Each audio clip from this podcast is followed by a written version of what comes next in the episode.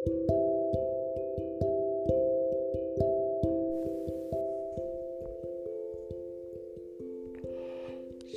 Bapak Ibu Saudara sekalian dikasih oleh Tuhan. Kembali lagi kita akan belajar firman Tuhan dari seri kitab Mazmur. Judul renungan pada hari ini adalah Tuhan Hakim yang Adil.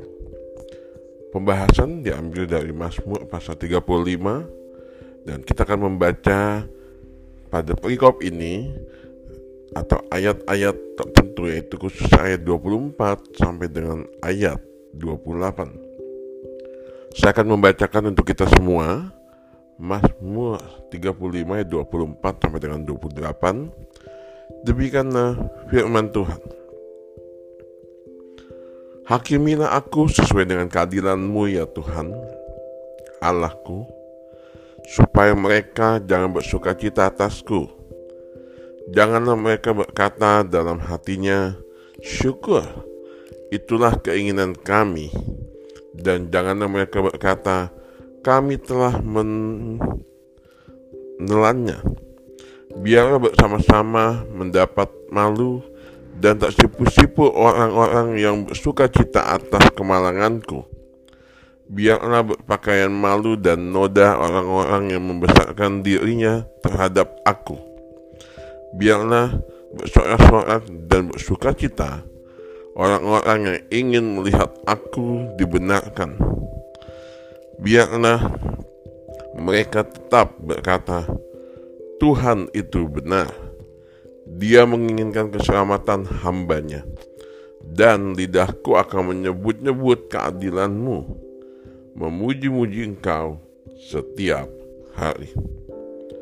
Berbahagialah bagi setiap kita orang yang membaca, merenungkan, dan melakukan firman Tuhan, dalam hidup kita sehari-hari.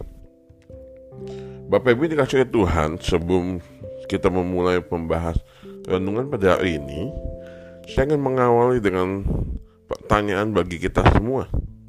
Pertanyaannya adalah, pernahkah kita menerima perlakuan yang jahat dari orang lain yang sebelumnya kita sudah perlakukan mereka dengan baik? Atau saya ubah pertanyaannya, Apakah pernah ada orang yang berbuat jahat kepada kita, padahal selama ini kita pernah berbuat baik kepada orang-orang tersebut? Atau lebih tepatnya, apakah kita pernah mengalami apakah air, susu, atau hal-hal baik dibalas dengan air tubah atau hal-hal yang tidak baik? Pertanyaan berikutnya adalah lebih kepada Bagaimana respon kita ketika mendapati perlakuan tersebut? Apakah kita marah, kesal, bersungut-sungut, mengecam, bahkan apakah kita menyimpan dendam untuk membalas suatu saat akan membalas kembali dengan kejahatan yang sama, bahkan lebih daripada itu. Bapak Ibu dikasih oleh Tuhan, kalau kita pernah mengalami hal demikian, kita tidak sendiri. Mengapa? Karena perlakuan tersebut juga pernah dialami oleh Daud. Kenapa? Pada saat itu ada orang-orang selama ini dia perlakukan atau Daud pernah perlakukan dengan baik, tetapi mereka justru membalasnya dengan kejahatan ada beberapa kejahatan yang dirancang. Artinya ada orang-orang yang dulu pernah di Daud berbuat baik kepada mereka dan mereka merancang balik kejahatan kepada Daud. Yang pertama adalah mereka punya rencana untuk mencabut nyawanya. Kita lihat di pasal yang keempat A. Mereka merancangkan untuk menciptakan atau merancangkan kecelakaan baginya. Kita lihat di 4B atau juga untuk menjebaknya di pasal 7 atau menuntutnya di pasal yang di ayat yang ke-11 kita melihat juga atau menista, uh, yang berikutnya itu menista-nista terus.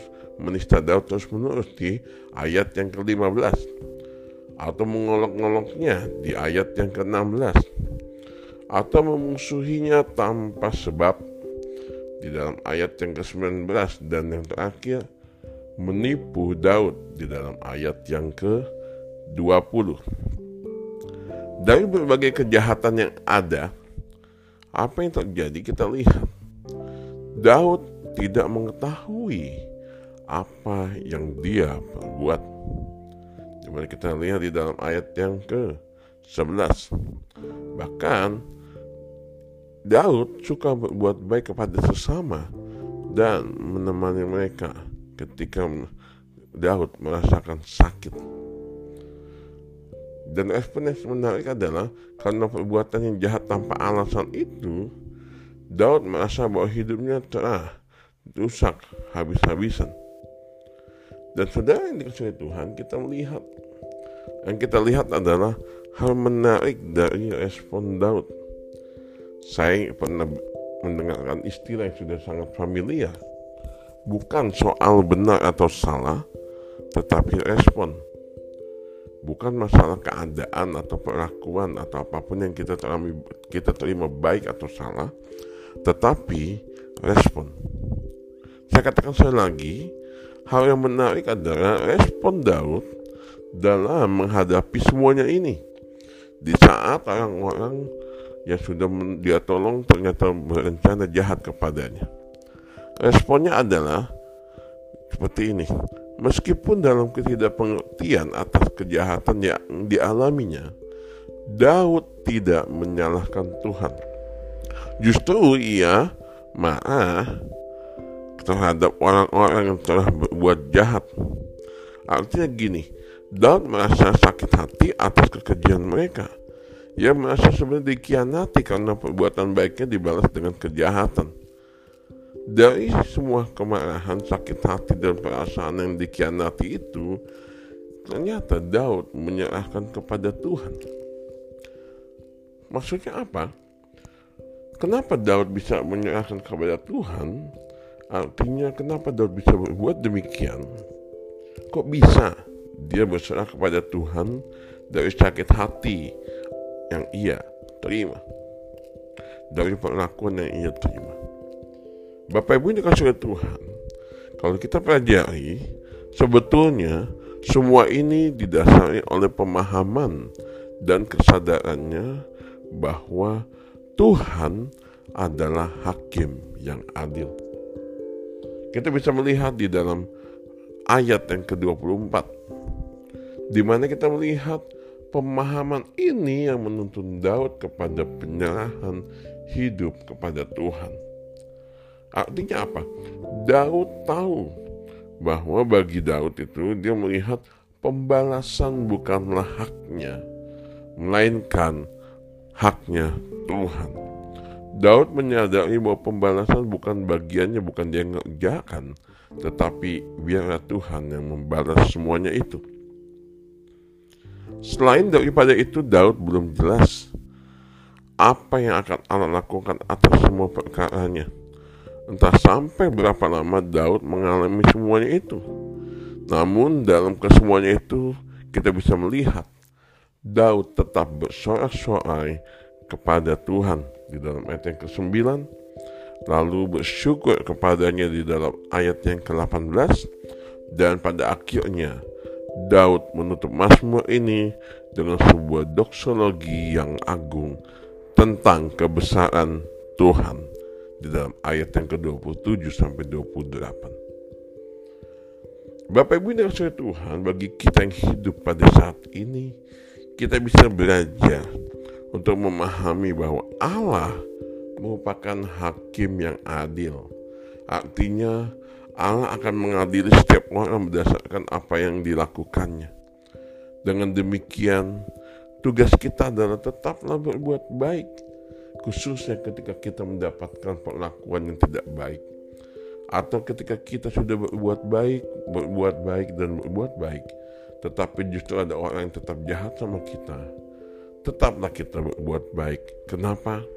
Karena pada dasarnya Allah mengetahui semuanya dan biarlah Allah yang membalas semuanya itu. Bukan menjadi bagian kita untuk membalas kejahatan, untuk balas lagi dengan hal yang jahat. Tetapi biarlah itu menjadi bagian Tuhan. karena Dia adalah hakim yang adil. Dengan demikian, tugas kita adalah tetap berbuat baik dan biarkan Allah sebagai pengadil untuk mengadili, untuk melakukan bagiannya. Tugas kita adalah menyerahkan hidup sepenuhnya kepada Allah dan mempercayai bahwa Ia akan membela dan bertindak bagi anak-anaknya. Kiranya Tuhan memberkati kita semua sepanjang hari ini. Amin.